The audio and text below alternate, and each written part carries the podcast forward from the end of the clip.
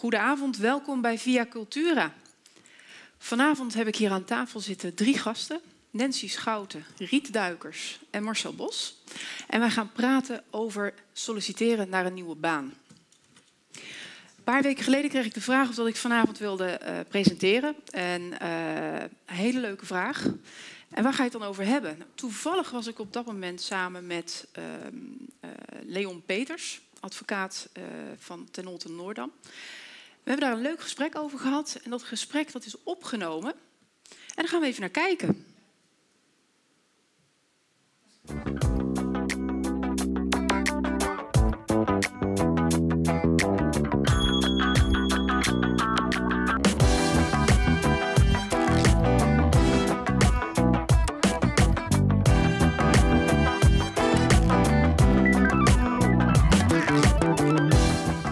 Leon, fijn dat je vandaag tijd had voor mij. Voor jou altijd, dat weet je. Oh. En een belangrijk onderwerp. Maar eerst even uh, voor de mensen die dit gaan kijken. Wie ben je? Leon Peters, advocaat uh, in Dordrecht en tegenwoordig Rotterdam. Jouw specifieke stukje is uh, arbeidsrecht en pensioenrecht, hè? Ja. Oké, okay, nou pensioenen, daar gaan we het gewoon totaal niet over hebben vandaag. Nee, want dan ben je al voorbij je arbeidsovereenkomst. Juist. Ik heb gezeten in de klankbordgroep van uh, de stichting die nu Werk Plus Ervaring heet. Dat is een uh, stichting opgericht door een aantal uh, werkloze ouderen, 50, 55 plus, die er tegenaan liepen dat ze gewoon niet verder kwamen. Dat leeftijd een probleem leek te zijn. Het zijn allemaal mensen met een hele hoop ervaring. Terwijl werkgevers soms de gedachte hebben van ik wil graag een goedkope arbeidskracht met heel veel jaren ervaring. Ja, dat kan niet. Dat nee. matcht niet met elkaar. Goedkope arbeidskrachten zijn de jongeren, want die beginnen nog en hebben lagere salarissen. Het minimumloon is gelukkig inmiddels opgehoogd, dus uh, van het minimum jeugdloon zijn we af. Ja. Uh, dat is al een goede ontwikkeling, waardoor het allemaal wat meer gelijk wordt. Uh, en ouderen, wat dat betreft, bij de, de kwaadwillende werkgevers, en dat zijn er niet zoveel gelukkig, mm -hmm. maar ze zijn er nog steeds, wat meer kansen hebben. Ja. Er zijn werkgevers genoeg die begrijpen dat werknemers met uh, boven de 50 een hele hoop ervaring met zich meebrengen. Ja, ja je, je hebt het net over die mensen zijn duur. Hè? Uh, onze kijkers uh, zitten in, voor een deel in die doelgroep. En een van de dingen die ik, die ik heel graag de mensen bij wil brengen is niet denken in beperkingen, maar denken in mogelijkheden. En een beperkende gedachte is, ik ben duur. nee, je bent veel waard en voor waarde mag betaald worden. Um, waarbij ik persoonlijk denk dat uh, een medewerker met ervaring uh, en een medewerker met levenservaring juist heel veel meerwaarde biedt ten opzichte van de jongere generatie. En wat kan zo'n oudere medewerker, ik vind het echt een rotwoord, want inderdaad als je 50 bent dan moet je nog 17 jaar, wat nou oud? En, uh, mag maar, je nog 17 jaar? Ja, nou precies dat. Want waar zijn werkgevers in geïnteresseerd? Die zijn geïnteresseerd in van what's in it for me? Wat heb jij als werknemer toe te voegen aan mijn onderneming? Waarom heb ik jou nodig? Hoe leuk is het als je vastzit in je huidige job en eigenlijk wat anders wilt? Nee, je mag nog 17 jaar werken als je 50 bent. En je eigenlijk er als een berg tegenop ziet om die 17 jaar bij de huidige plek te gaan doen. Hoe leuk is het om dan gewoon ergens anders te gaan kijken. Terwijl je weet van, nou ja, in het ergste geval uh, moet ik volgend jaar weer op zoek naar een baan. Terwijl dat misschien helemaal niet het geval is. Dus minder hard vasthouden aan dat vaste contract. Ja, je moet de gelegenheid creëren en dat is waarom uh, ik zeg van uh, probeer meer beweging in die arbeidsmarkt te krijgen. Hou niet zo vast aan je baan, zeker niet als je je daar niet echt lekker meer in voelt. Nee, precies. Dat wordt dus gewoon niet gezond. Nee. En eigenlijk ook de, de, de 40 plus jaren uh, bij één baan of bij één baas, dat is gewoon niet meer van deze tijd. Dat, dat is ook iets wat we los zouden moeten gaan laten de komende tijd. Nou ja, dan heb je natuurlijk nog de jongere werknemers die pas beginnen. Ja, zullen we daar zo meteen even over praten? Leon, we hadden het net over de oudere medewerker. Uh, maar ik wil eigenlijk ook de jongere medewerker wel in beeld hebben. De jongere werkzoekende. Uh, we leven natuurlijk in een hele rare tijd op dit moment. Uh, het is vaak al niet makkelijk voor jongeren zonder startkwalificatie, die wil ik er wel even bij zeggen, om aan een baan te komen. Het is moeilijk voor uh, scholieren, studenten om aan stageplekken te komen. Altijd al. Maar in deze tijd waarin we heel veel thuiswerken, uh, waarin de wereld er totaal anders uitziet. Hoe kijk jij daar tegenaan? Ja, deze tijd is natuurlijk verschrikkelijk. Dat, uh, je krijgt geen kans om jezelf te bewijzen als jongere stageloper, jongere werknemer. Precies. Maar wat voor tip wat kun jij nou zeggen tegen iemand die op dit moment echt tegenaan loopt als jongere? Van ik weet gewoon niet waar ik moet gaan solliciteren. Ik weet niet hoe ik me moet gedragen. Ik weet niet wat ik moet doen. Wat heb je voor tip voor zo iemand? Uh, kijk wat je leuk vindt. Mm -hmm. En probeer te zoeken naar een werkgever die nodig heeft wat jij leuk vindt. Want dan kun je aan die werkgever, wat ik net ook zei voor de oudere werknemer, kun je laten zien, jij hebt mij nodig want mhm. ik kan dit voor jou betekenen. Ja, ja. En, en werkgever, ik heb een bepaald talent wat jij mag gebruiken voor mij. In ruil daarvoor krijg ik een salaris. En hoe kunnen we ervoor zorgen dat we er samen beter van worden? Dus waarin zou ik mijn talenten nog willen ontwikkelen? Waarin zou ik willen groeien om naar mijn volgende stap te gaan? Je uh, heel veel ziet bij jongeren, dat uh, ze enorm aan het kijken zijn uh, wat er voor hen zelf in zit. En daarom wil ik blijven benadrukken kijk ook wat er voor die werkgever in zit. Mhm. Want dat is wel de werkgever, die wil, daar, die wil wat terug voor het salaris wat hij betaalt. Dus als je jezelf verkoopt, moet je jezelf verkopen, maar vooral zeggen, wat krijg jij als je mij in dienst neemt? Wat heb je aan mij? En pas dan kijken naar wat heb ik er zelf aan. Maar daar heb je al naar gekeken voordat je gaat solliciteren. exact, ja. voor die tijd heb je al gekeken van wat kan ik daar meenemen van dat bedrijf? wat kan ik daar leren? Hoe kan ik me daar ontwikkelen? Hoe zit zo'n bedrijf in elkaar? Naar mijn idee hebben we ook de voornaamste punten, de belangrijkste aandachtspunten voor mensen die van baan willen wijzigen of die een baan, uh, die een baan aan het zoeken zijn, hebben we besproken. U luistert vanavond naar Via Cultura en wij praten met onze gasten over solliciteren naar een nieuwe baan vanuit de Stadsbibliotheek aanzet in Dordrecht. Ik heb hier aan tafel zitten Nancy Schouten. Jij bent van het Leerwerkloket. Wil je iets vertellen over het Leerwerkloket, Nancy? Jazeker, anders zat ik hier niet. Nee, het leerwerkloket is er voor iedereen, dus ook voor, echt voor iedere burger, die uh, onafhankelijk en kosteloos uh, loopbaanadvies wil hebben in de regio Drechtsteden. Nou, dat is dus voor iedereen die nu ook aan het kijken is en aan het luisteren. Uh, dus op het moment dat je een werk zoekt of van werk wil veranderen, of je nou scholier bent, student, ouderen, jongeren, theoretisch of praktisch opgeleid, je kunt altijd bij het leerwerkloket terecht voor een een gesprek of twee. Oké. Wat is op dit moment jullie voornaamste taak als leerwerkloket? Waar zijn jullie het meest mee bezig? Waar ligt de focus? Ja, dat zijn er eigenlijk twee. Um, van oudsher is dat eigenlijk wel het voeren van de gesprekken met, uh, met mensen die zich aanmelden. Die doen dat vrijwillig, vanuit hun eigen motivatie. Dat is niet iets wat ze moeten. En het andere is eigenlijk wel het verbinden van al die partijen in het rechtssteden die zich met ja, mensen en werk bezighouden. Want er zijn heel veel mensen die in een stichting of vanuit de overheid of vanuit een bedrijf iets doen voor een groep die werk zoekt of van baan wil veranderen. Nou ja, daar, kun je zelf ook wel heel veel dingen bij voorstellen. En door uh, ja, ons eigenlijk daartussenin te bewegen, kunnen we ook kijken waar de, ja, waar de samenwerking en de verbinding zit. En uh, te kijken of we samen slimmer dingen kunnen doen. Of dat we zelfs nieuwe dingen kunnen doen in aanvulling op wat er al is. Oké, mooi verhaal. Waarom ben jij bij het leerwerkloket gaan werken?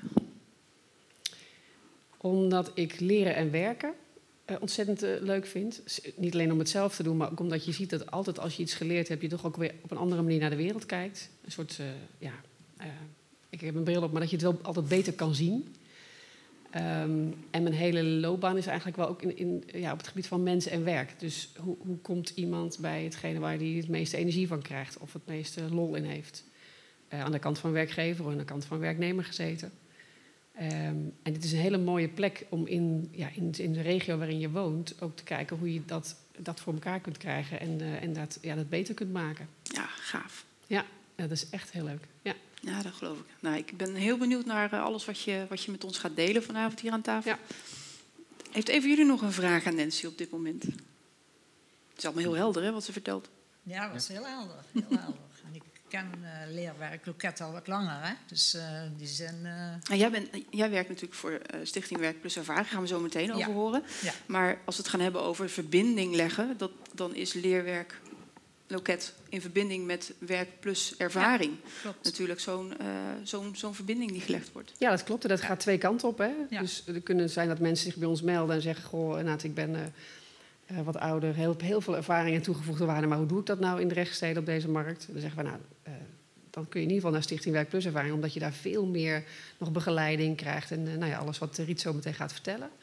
En aan de andere kant is het Ja. zo dat als ze echt zeggen... ja, ik wil iets anders nog leren, wat voor mogelijkheden zijn er dan? Nou, dan komen ze bij ons en gaan we kijken wat, er nog, wat we nog kunnen toevoegen... of we eventueel nog financiering kunnen vinden... Ja, jullie zijn nu ook met iets bezig voor eh, een soort van stage lopen. Hè? Ehm, hoe heet dat project? Jij bedoelt werkinzicht? Nee, Of bedoel nee, je, nee. Ach, ja, ik heb aantekeningen gemaakt, maar ik heb ze niet bij me. Eh, Erwin Boer vertelde daarover. Nou, ik denk dat dat wel hetgene is. Of de beroepentuin? De beroepentuin, ja. Ah, ja. Dat is het, het, de beroepentuin is een organisatie die komt oorspronkelijk uit Rotterdam. En die verzorgen korte leerwerktrajecten in kansrijke beroepen. Wij hebben, dat, eh, wij hebben als uitvoerder gevraagd voor wat wij noemen in dit, eh, deze regio werkinzicht. Omdat we daaronder veel meer hè, korte leerwerktrajecten willen organiseren... waarin we mensen snel van de ene naar de andere baan kunnen helpen. En niet dat je 1, 2, 3 of 4 jaar eerst naar school moet... en allerlei vakken hebt waar je eigenlijk niet direct wat aan hebt... of waar die werkgever zo hè, niks aan heeft. Ehm, en daar zijn we eigenlijk vorige week mee gestart. We zoeken overigens nog een, locatie in de rechtssteden. Dat is nog niet zo heel makkelijk om een maatschappelijk eh, project zeg maar, eh, te huisvesten. Dus we zijn eh, net iets buiten de rechtssteden gestart. Maar daar leren mensen hoe ze in de energietransitie terecht kunnen komen... door assistent-monteur zonnepanelen te worden... of in de warmtepomp of in de laadpalen. Dat zijn de eerste drie beroepen waar we mee starten. Ja, supermooi dat jullie die initiatieven ontplooien. Want inderdaad, voor veel mensen is drie, vier jaar naar school gaan net een brug te ver. En de korte leerwerktrajecten, ja, ik ben heel benieuwd hoe zich dat gaat ontwikkelen. Want jullie zijn vorige week gestart, zeg je? Vorige week gestart, eh 16 mensen gesproken. Vanuit eh, subsidie ook van de regionale aanpak eh, jeugdwerkloosheid. Dus ook echt specifiek voor de jongeren. Maar eigenlijk, wat we al net zeiden, we zijn onafhankelijk voor iedereen. Als iemand zegt, ja, ik wil dat eigenlijk ook en ik ben 55, Ja. dan kan het ook. Gaaf. Ja. Oké. Dankjewel, Nancy. Graag gedaan. Ik zie in mijn ooghoek de heren van de Rumble aankomen. Jullie gaan vanavond eh, de muziek verzorgen, hè, mannen? Ja. Een optreden. Ja, ja, dat is lang geleden. Wat dacht je toen de telefoon ging van de week? Toen dachten we van, uh oh dat is lang geleden. Wat gaan jullie eh, voor ons spelen nu? Ehm, nou, we, hebben een, eh, we gaan een aantal nummertjes doen. En Nu, nu dan de eerste. En we hebben eh, een beetje een selectie gemaakt van een mix die wij eh, leuk vinden. Dus eh, we beginnen met het nummer dat heet eh, Hurricane. Hurricane, de Rumble. Yep.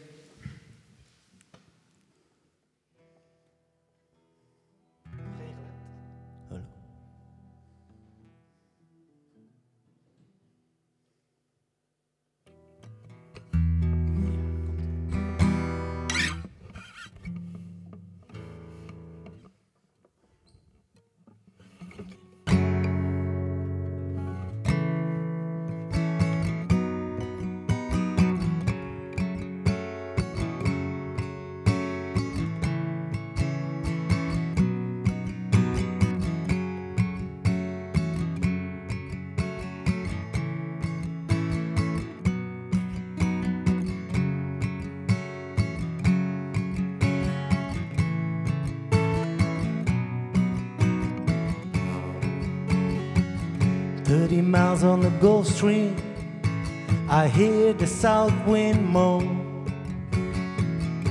The bridge is getting lower, the shrimp boat's coming home. The old man down in the quarter, he slowly turns his head. He takes a sip from his whiskey bottle, and this is what he said. I was born in the rain the punchy train underneath the Louisiana moon. And I don't mind the strain of the hurricane, they come around every June. The high black water, the devil's daughter, she's hard, she's cold, and she's mean. But nobody taught her it takes a lot of water to wash away New Orleans.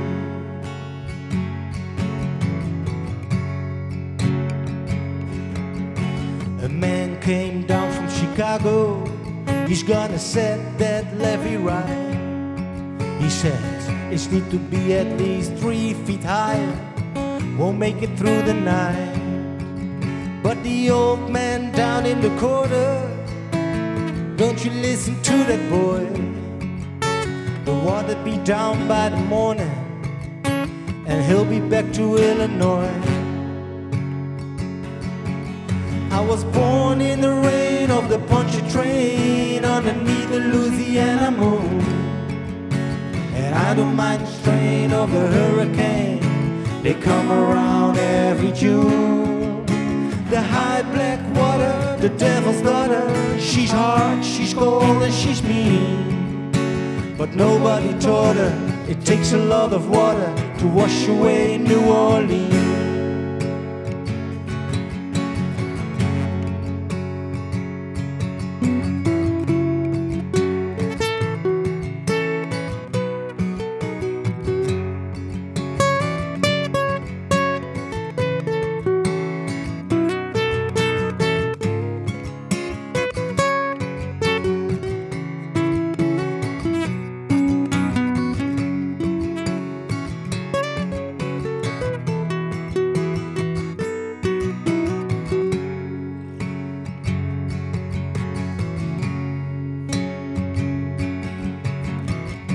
Thirty miles on the Gulf Stream, I hear the south wind moan.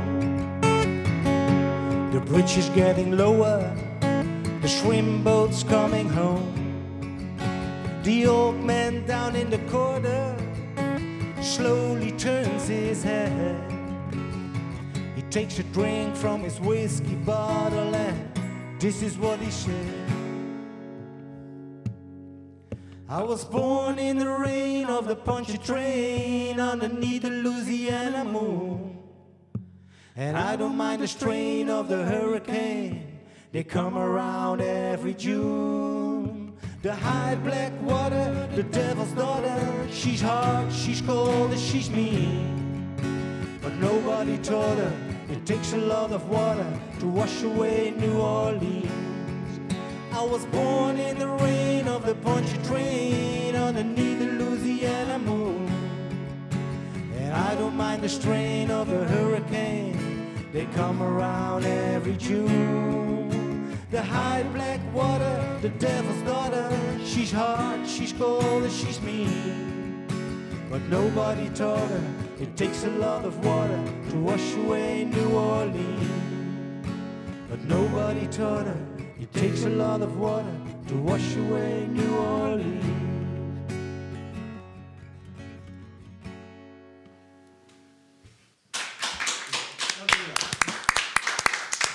De Rumble, dankjewel. U luistert vanavond naar Via Cultura. We praten over solliciteren met drie gasten. Ehm, allereerst, ik zou nog heel graag even aan jullie voorstellen Fiona Versluis.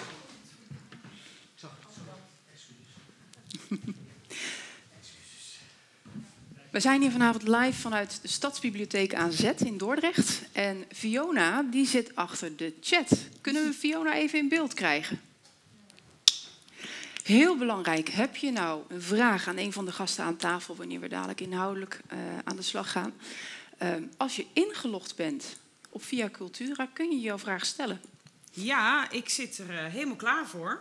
Dus inderdaad, stel je vraag. Log even in dan op de Facebook van uh, Via Cultura over en uit. En dan kan je je vraag stellen. Dus ik zit er met smart op te wachten. Ja. En dan breek ik gewoon lekker in uh, in jullie gesprek. Zullen we dat afspreken? Fantastisch als jij inbreekt. Helemaal leuk. Heel veel plezier. Dus heel belangrijk, lid worden van Via Cultura.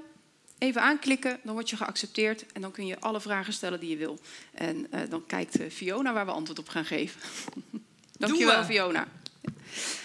Riet, Riet Duikers. Ja. Niet, niet, te veel naar mij toe draaien, want dan ben je niet oh. meer zichtbaar. Hartstikke leuk dat je er bent.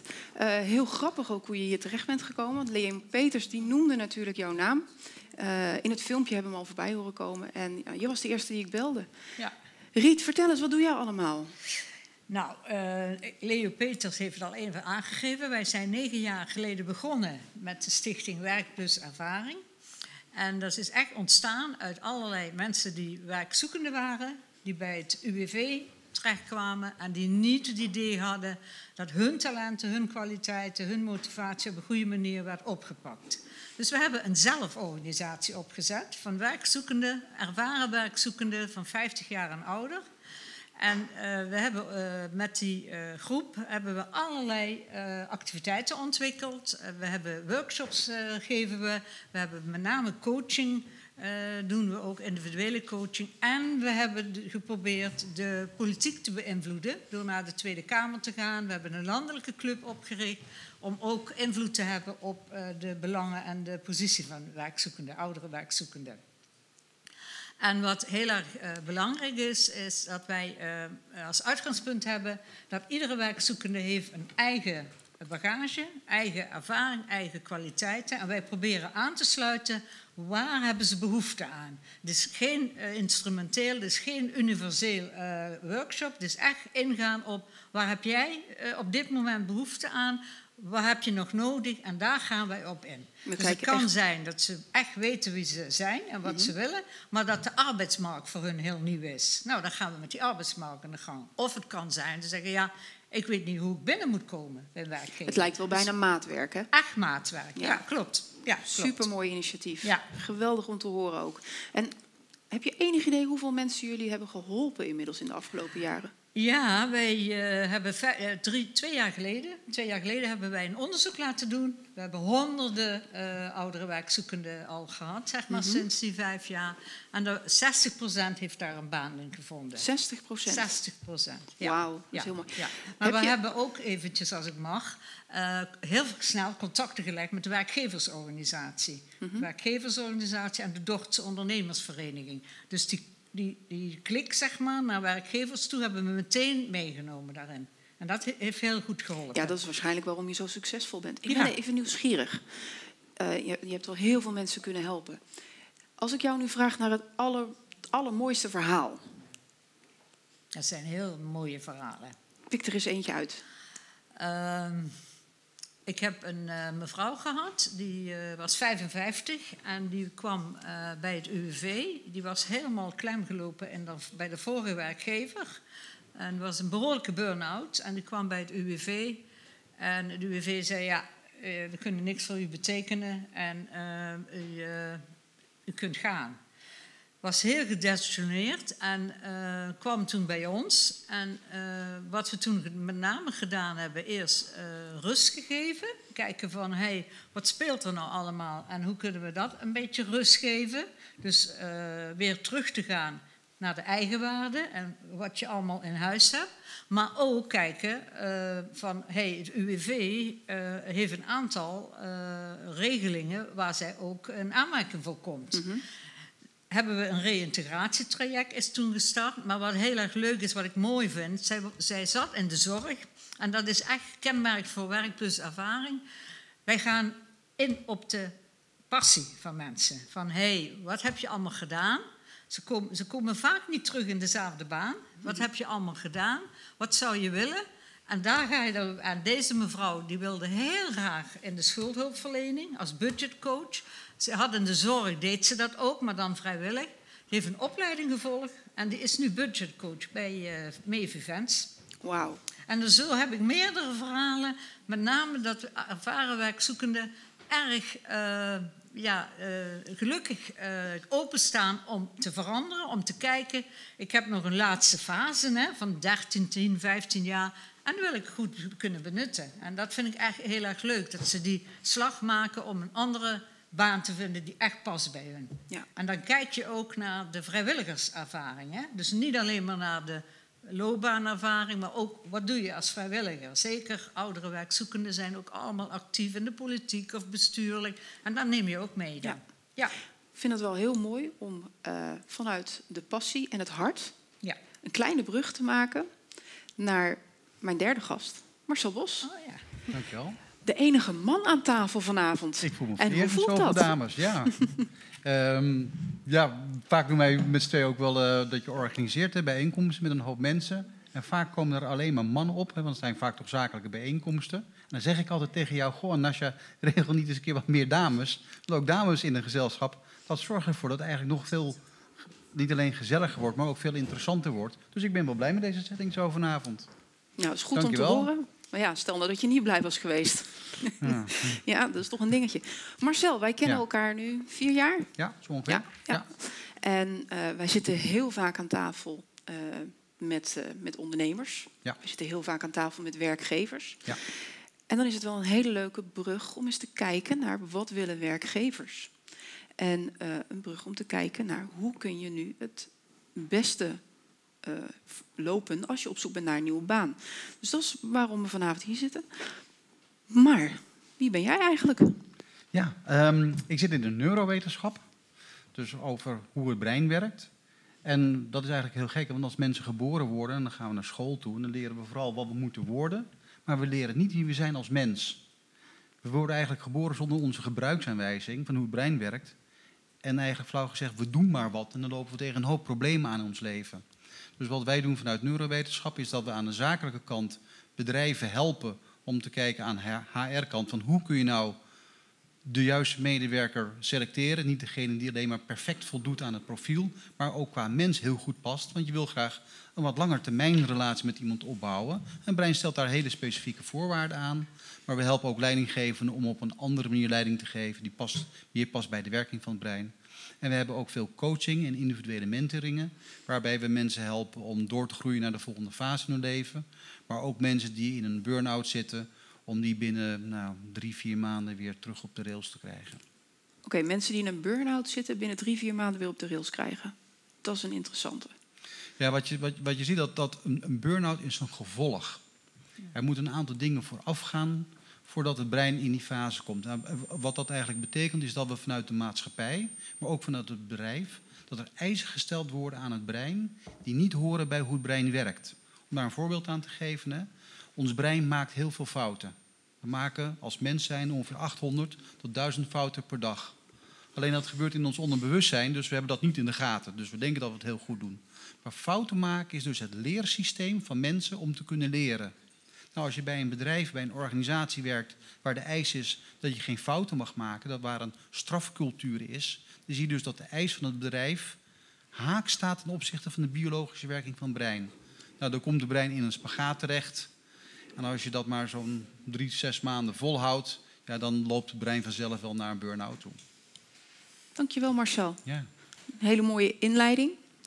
We gaan het zo meteen hebben over, eh, over solliciteren en alles wat daarbij komt kijken. We hebben dat mooi in een aantal stappen onderverdeeld. Maar eerst gaan we nog een keer luisteren naar de Rumble. Waar gaan we nu naar luisteren, mannen? We gaan een Nederlands liedje doen. Ja. Van Is ook schitterend. Ja, voltooid verleden tijd. Ja. Oh ja, ja leuk. Beetje nostalgie.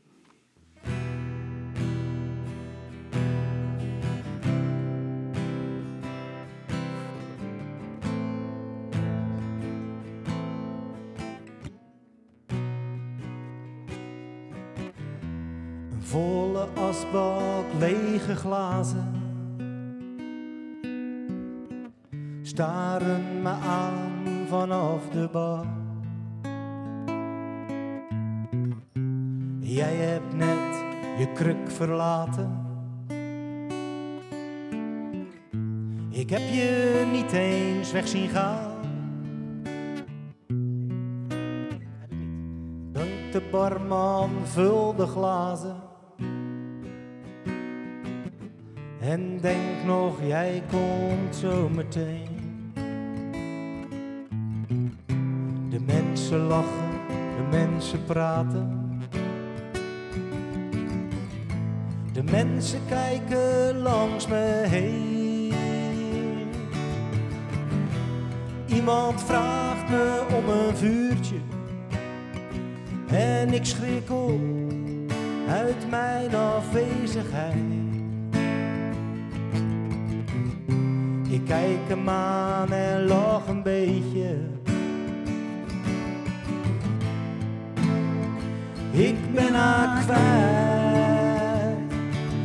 Is dit dan het einde van het feest? Wil jij dan soms beweren dat het nooit iets is geweest? Maar wat je niet hebt gehad, dat raak je ook niet kwijt. Voltooid verleden tijd.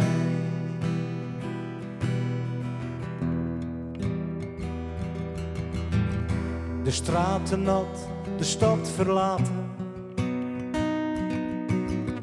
Loop ik diezelfde weg alleen. Jij moet hier ook hebben gelopen. Wist ik maar waarheen. Het laatste sprankje hoop vervliegt als ik de kamer binnenloop. Jouw hoofd niet op mijn kussen ligt. Lijkt het bed weer veel te groot. Ik hoor geluiden van de straat. Een deur valt in het slot. Is dit het einde? Is dit dan het einde van het feest? Wil jij dan soms beweren dat er nooit iets is geweest? Maar wat je niet hebt gehad, dat raak je ook niet kwijt. Voltooid verleden tijd.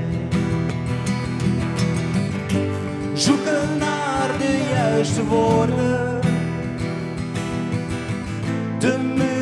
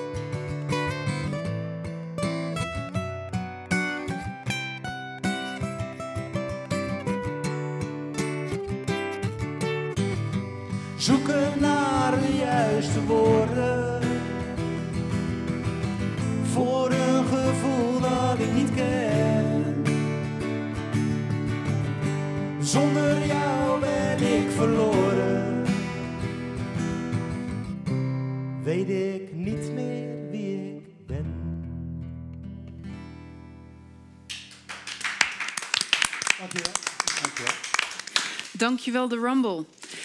U luistert naar Via Cultura. Wij praten vanavond over solliciteren naar een nieuwe job. Aan tafel bij mij Nancy Schouten, Riet Duikers en Marcel Bos.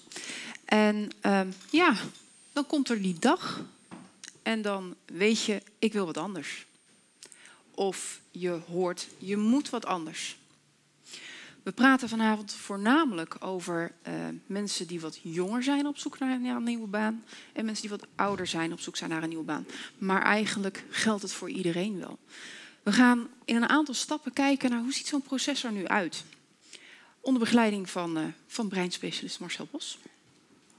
Nancy Schouten van het leerwerk, leerwerk Loket. Loket, sorry. En Riet Duikers van Werk Plus Ervaring. Ja. Ja, dankjewel. Het, aan het einde van de avond zit het erin hoor. Ja? Ja, uiteindelijk wel. Goed, je bent op zoek naar een nieuwe baan. En dan? Nancy. Ja, en dan? En dan? Waar begin je dan? Waar begin je dan? Inderdaad. Hoe ziet dat er in jouw ogen uit? Nou, ik denk dat ehm, het voor heel veel mensen geldt dat ze eerst eens op de bank gaan zitten of op een stoel en denken van, goh, wat moet ik nu? Ehm, ja, en dan zijn er heel veel mogelijkheden, maar weet je wel eh, ja, weet je, waar, je terecht kunt of waar je, wie je om hulp kunt vragen? Is dat je partner, je buurvrouw? Is dat een ehm, instantie? Is dat... Maar ja, ga maar eens kijken wat je nodig hebt om eh, bij die werkgever te komen. Ja, in jouw werk ben je ook heel veel met jongeren bezig. Hoe ziet dat er voor jongeren eigenlijk uit? Heb je daar beeld op? Ja, zoals ik al zei, wij, wij zijn vooral doorverwijzer in de regio. Dus we hebben vooral de experts om ons heen zitten. Maar wat je bij jongeren ziet, en dat zie je eigenlijk al in, in het verschil tussen... Hè, voor het ouderen is er bij Werkplus ervaring, punt. Want andere initiatieven volgens mij in het rechtssteden zijn er niet heel veel. Maar voor jongeren is er ontzettend veel. Dus je hebt, eh, als ze voortijdig school verlaten of uitvallen van school... dan zijn er mensen die zich daar om, eh, mee bezighouden.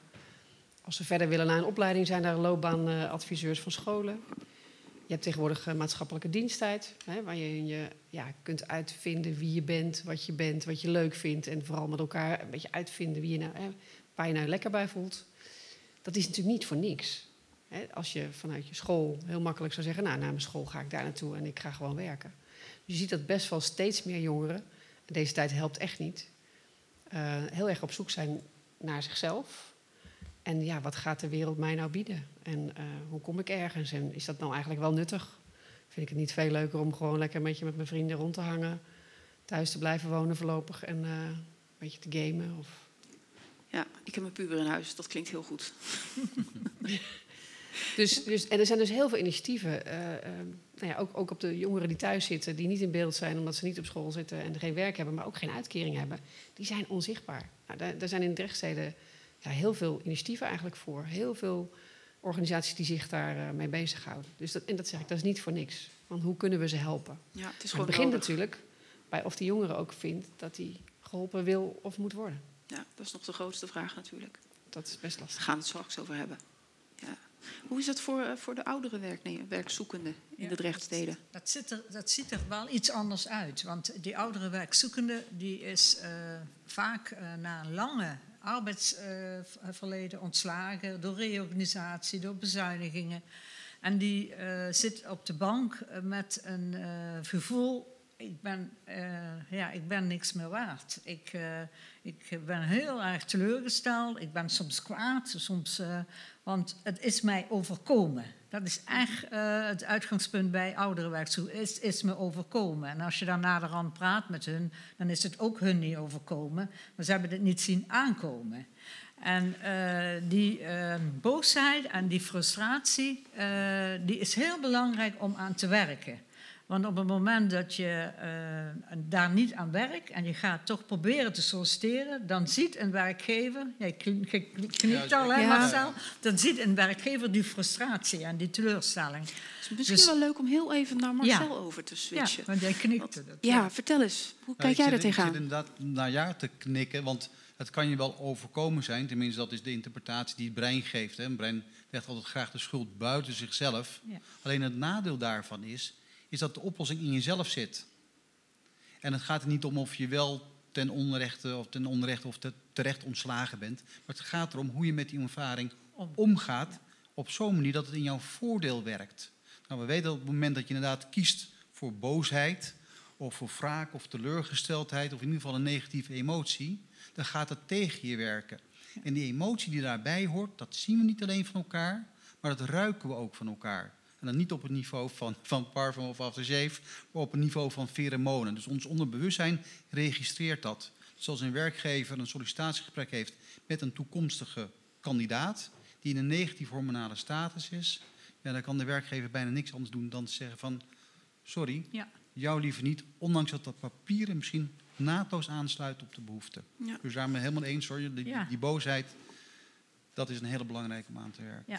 Dus die boosheid is echt wel iets waarmee, waar wat mee moet gebeuren. Ja, dat, maar dat is ook bij Werkplus Ervaring is dat de eerste stap die we doen. Hè. We hebben een, eh een intakegesprek waarin we echt kijken van... Goh, wie ben je? Wat heb je voor een ervaringen? Wat zijn er voor teleurstellingen?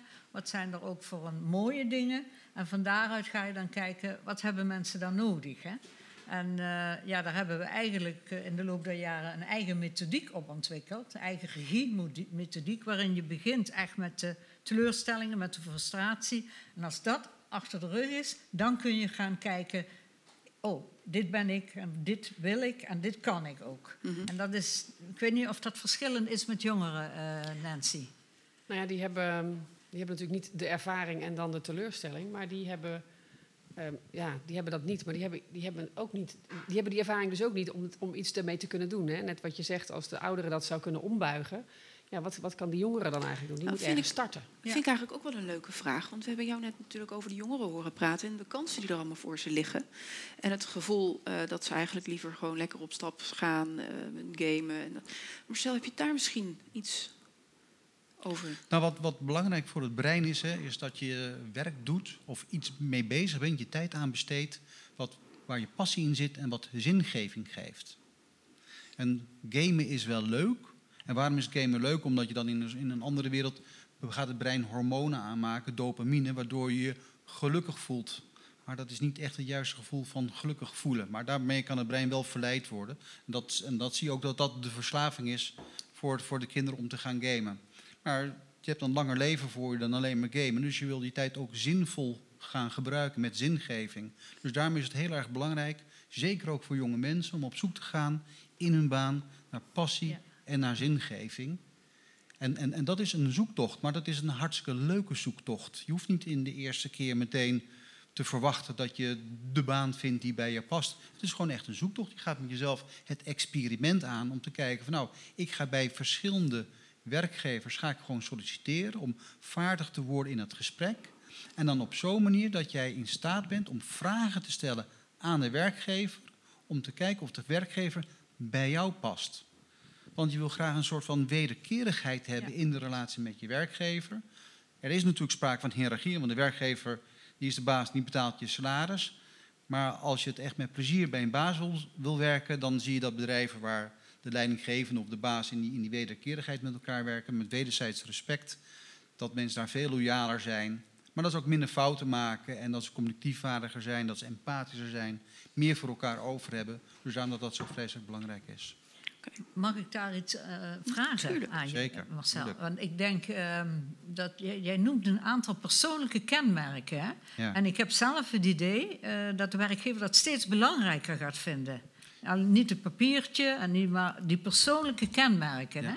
En daar, daarin kunnen werkzoekenden ook heel goed kijken van... Hey, die heb ik ook in huis, dus ik kan die ook gebruiken. Klopt. En, niet en ik, ik merk dat mensen die bij ons komen, die denken altijd dat ze het papiertje niet hebben. En wij zeggen nee, het gaat om je persoonlijke kenmerken. Absoluut. Ja, Je ziet daar voorzichtig aan een trend ontstaan in de markt, waar er bedrijven zijn die zeggen van nou, kom maar op, op gesprek. Je hoeft niet op een functie te solliciteren, maar kom maar als, als persoon. We Ja. hebben een persoonlijk gesprek, we nemen je aan en na een half jaar, na drie kwart jaar gaan we wel kijken welke functie bij je past. Natuurlijk kan het alleen maar voor de wat grotere bedrijven en, en niet voor een klein bedrijf van drie of vier mensen, maar het is wel de gedachte die erachter steekt die vreselijk belangrijk is.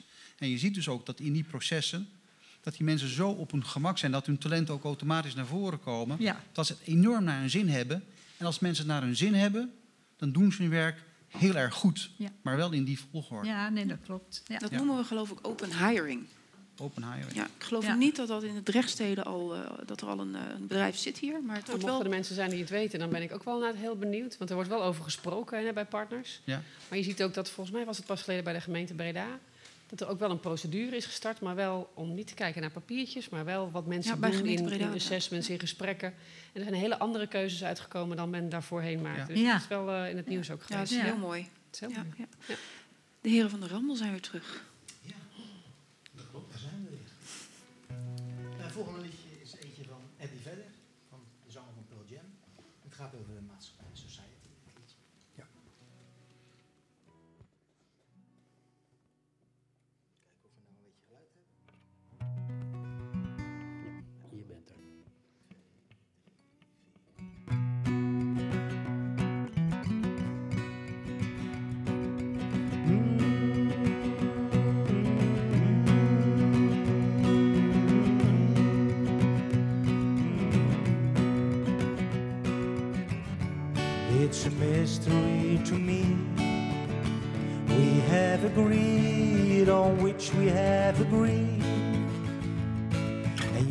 you have to want more than you need.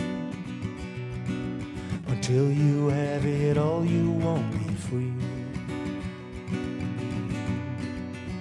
Society, you're a crazy breed. I hope you're not lonely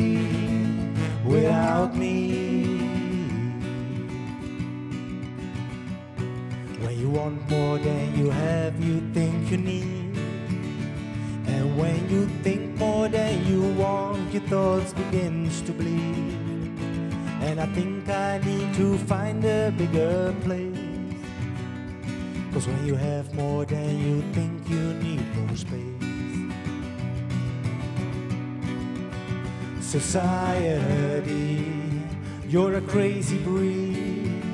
I hope you're not lonely without me. Society,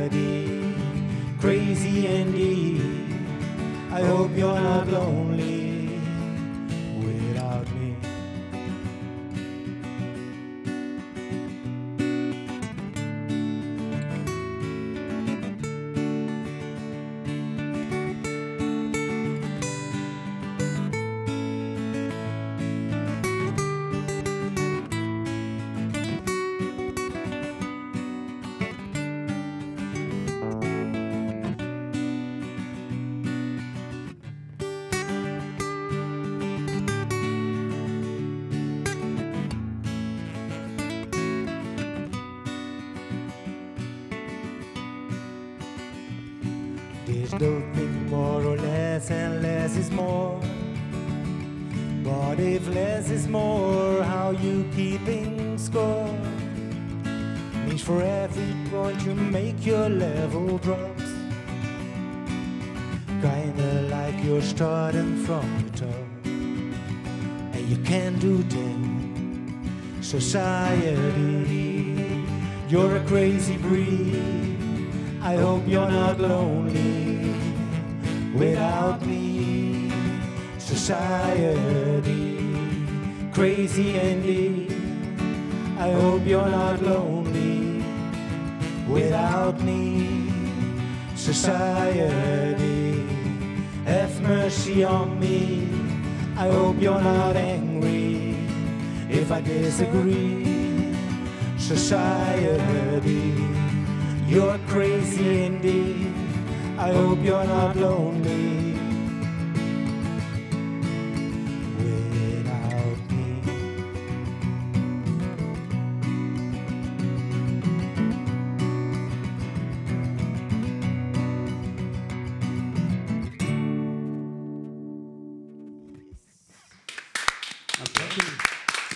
Dankjewel, de Rumble. U luistert en kijkt naar Via Cultura. Vanavond praten we over solliciteren. En ik begrijp net dat we in de chat een vraag hebben. Ja, dat klopt. Ik heb er zelfs twee. Oh jee. Leuk. Ehm, eigenlijk aan de eh, mensen aan tafel eh, wordt de vraag gesteld: welke rol kan de bibliotheek vervullen in het vinden van werk? Hebben jullie daar ideeën over hoe dat zou kunnen of hoe dat nu al wordt gedaan? Ik zie Nancy heel hard knikken. Ja, daar is, eh, daar, zijn echt al, daar is al een samenwerking mee. Ehm, als leerwerkloket zijn we sowieso vertegenwoordigd eh, bij de, eh, de bibliotheek. Dus eh, we hebben spreekuur, als dat mag. Hè. De, de corona die, eh, gooit even wat roet in het eten. Ehm, maar dan zijn we aanwezig om laagdrempelig hè, voor mensen te zijn... Die, eh, ja, die niet een afspraak willen maken of denken, daar, hè, daarover nadenken... maar dat je elkaar wel op een heel laagdrempelige manier kan ontmoeten.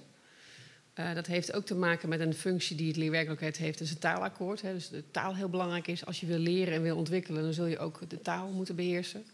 Dan heb ik het niet alleen maar over mensen die het Nederlands moeten leren, maar ook Nederlanders die laaggeletterd zijn. Mhm.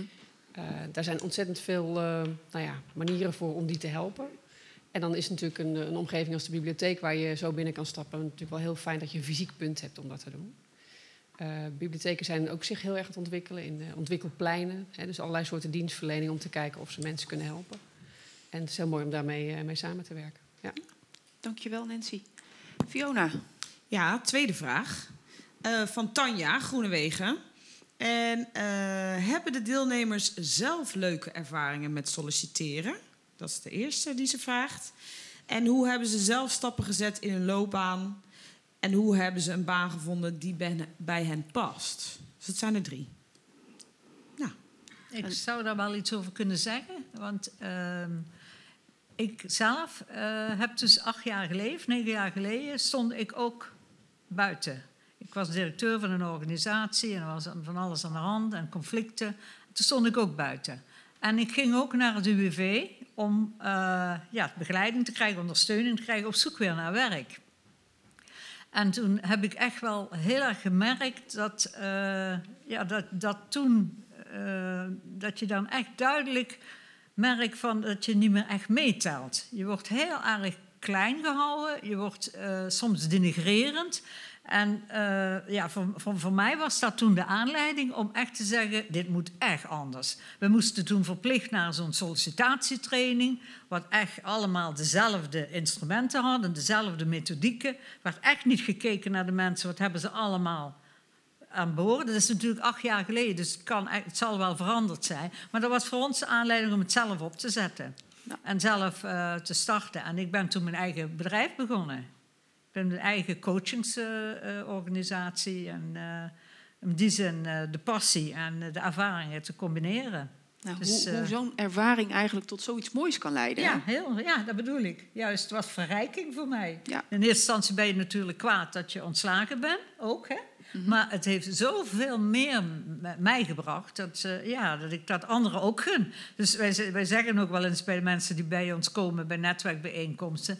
Eigenlijk zou je gewoon allemaal een stuk mee moeten maken. Want je kunt er echt door verrijkt worden. Als je die stap durft te maken en ook naar jezelf durft te kijken en te zien dat het geen belemmering is en geen probleem, maar een kans biedt.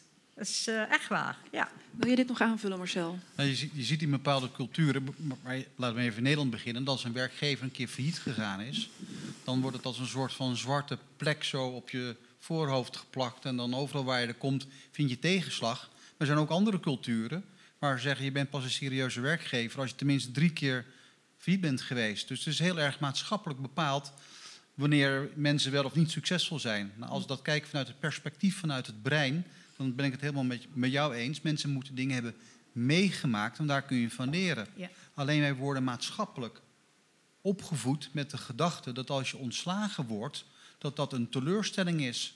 Maar hoezo bestaan teleurstellingen überhaupt? Het is niet zo dat wij met een teleurstellingsgen worden geboren. Nee, wij wordt, ons wordt geleerd vanuit de maatschappij, van onze opvoeders en op school en van onze ouders, wat een teleurstelling is. Nou, en als het brein eenmaal gaat geloven dat een teleurstelling een teleurstelling is, dan gaan we ons zo gaan, gaan gedragen. En dat is een enorme obstakel. En wat nu als we jonge mensen al van jonge leeftijd af aan kunt leren dat teleurstelling eigenlijk helemaal niet bestaat. Het hangt er vanaf hoe je ermee omgaat. Ja. En als je het gaat omdraaien naar van, hé, maar wat heb ik ervan geleerd? En hoe kan ik er beter van worden? Dan heb je die teleurstellingen nodig om een betere versie van jezelf te worden. Dus teleurstelling is een absolute noodzaak om te kunnen groeien. Om te kunnen groeien, ja. Ja. denk ik ook. Maar dan zouden we het eigenlijk een ander woord moeten geven. Een ander woord geven of, of een andere lading aangeven. Ik vind het wel een mooie brug naar, eh, naar het stappenplan wat we hadden bedacht met z'n met z'n vieren. We zijn op zoek naar een nieuwe baan. Waar begin je? Waar begin je mee? Ja, je begint denk ik Ja. met, je, met jezelf. Hè? Ja, Kijk, we, we, we gaan naar een opleiding toe om het vak te leren. En dan krijgen we ook een papiertje voor. Maar dat gaat niet bepalen of dat je gelukkig gaat zijn bij een werkgever. Wat belangrijk is om erachter te komen van wat ben je als persoon? Ben je een persoon die graag veel vrijheid wil hebben? Ben je een persoon die graag eigen initiatieven wil inbrengen? Of ben je juist een persoon die heel erg prettig functioneert bij strakke regels? Dus afhankelijk van wie je bent als mens, dan ga je op zoek naar een werkgever die daarbij past. Dus daar begin je mee. Ja, maar ik vind wel, eh, als je kijkt naar eh, waar je dan begint, dan zie ik bij de oudere werkzoekenden dat er echt even stil moet worden gestaan. Wie ben je? Wat heb je allemaal gedaan? Zowel werkervaring als vrijwilligerservaring. En wat kan je? En eh, daarin, als mensen bij ons komen, dan zeggen ze ook: Ja, daar heb ik allemaal geen tijd voor, geen zin voor. Maar dat is echt heel belangrijk. Dat je even goed naar jezelf durft te kijken. En dat je, eh, ja, spiegel. We zeggen ook altijd: ga eens bij anderen vragen hoe die mensen naar je kijken. En vooral ook dat die trots weer terugkomt. Dat de, de, de trots weer terugkomt, het plezier weer terugkomt. En van daaruit kun je dan kijken, wat jij aangeeft, van welke werkgever past daarbij. Ja. Maar dat, wie ben je, wat wil je, wat kan je, is echt heel belangrijk. En daar wat- durven eh, ja, even te investeren. Ja. Ja. En wat daar zo bijzonder aan is, hè, is dat we zien dat mensen, het brein, is van nature af heel erg creatief. Alleen op het moment dat we naar school toe gaan, dan wordt ons geleerd om binnen de lijntjes te kleuren. En dan wordt de creativiteit er bij wijze van spreken uitgeslagen. Terwijl we van creativiteit heel erg gelukkig worden. En wat je ziet, dan mensen gaan dan aan hun loopbaan beginnen. En dan komen, worden ze groeien, maken ze elke keer carrière. En dan zijn ze 45 of 50 en dan worden ze ontslagen. Ja. En dan is dat inderdaad dat moment Ja. om te kijken, hé, maar waar word ik nou echt gelukkig Ja. van? En je ziet dan vaak dat mensen hele andere keuzes maken, Klopt. waarvan ze zeggen, maar daar word ik veel gelukkiger van. Wij, wij, wij, wij kennen iemand die afgelopen vrijdag ook bij ons in de sessie zat. Die is in zijn vakgebied gerold. Ehm, hij zat in, in de beveiliging. Maar ergens in zijn systeem was hij daar toch niet gelukkig mee. Hij vond daar voor zichzelf niet de zingeving in en de passie. En hij is nou ook eh, rond de, rond de 50. En hij heeft zich om laten scholen. En zit nou in persoonlijke coaching. Ja. Dus hij heeft nu de kans om Ja. echt te doen waar hij 30 gelukkig jaar de beveiligingen. 30 jaar in beveiliging heeft gezeten. Ja, zo ken ik een voorbeeld van een, eh, iemand die bankier is geweest. Ja. En die eh, was 55 en eh, die had mantelzorg, kreeg mantelzorg voor zijn moeder. En had het idee, ja, maar dit is echt mijn passie. Hij had ook behoorlijk wat kritiek op de bank. Hij zei, ik voel me daar niet meer echt thuis. En is toen inderdaad een consulent, een BMO-consulent Ja. opleiding gaan doen. En werkt nu bij de gemeente. En dat vind ik zo goed, hè, om te kijken dat je de passie inderdaad kunt eh, terug, terughalen. Hè. En dat geldt voor jongeren, denk ik ook. Ja, maar Als die de passie... ja, van, ik vind die passie maar eens. Hè. En we hadden het er eerder ook al over van Ja. hoe, eh, op welke leeftijd moeten jongeren kiezen eh, om, om, voor een vak. Hè? En als je passie is in de horeca en je wordt gezegd, ja, maar dat is niet kansrijk, ga maar wat anders doen. Hoe blij maak je een jongere dan dat hij toch een aantal jaren in, dat, in, een, in een vak moet gaan zich ontwikkelen waar hij eigenlijk helemaal niet iets mee wil. Terwijl het natuurlijk heel logisch is dat je iemand ook een baan gunt als hij uiteindelijk eh, de opleiding heeft gedaan. Ja, want je ziet in het systeem in Nederland dat, dat kinderen al op 12-jarige leeftijd gedwongen worden om een keuze te maken ja. voor welke vervolgopleiding ze gaan doen. Alleen er is één heel klein probleempje, namelijk dat het 12-jarige brein helemaal niet in staat is om keuzes te maken. Ons brein is pas volgroeid als het ergens tussen de 27, 28, 29-jarige leeftijd is. Dus, dus dat kind moet dan een keuze gaan maken. En hoe maakt een kind een keuze? Die gaat interpreteren wat de verwachtingen zijn van hun ouders. Ja. Die staan in de piramide van belangrijkheid bovenin. Ja. En dan kiezen ze toch een soort van vakgebied. Nou, ik denk dat papa en mama, als ik dat kies, wel trots op me gaan zijn. En dat ze dan blij met me zijn. Maar ja, Ja. dat hoeft helemaal niet iets te zijn wat bij je past. En dan ga je het missen. Ja, wij hebben echt gaan 80% even naar het van nieuws. de werkzoekenden die bij ons kwamen, Riet. die waren Riet. echt, die hadden zelf geen bewuste beroepskeuze gemaakt. Riet, we gaan naar het nieuws. Oh, sorry.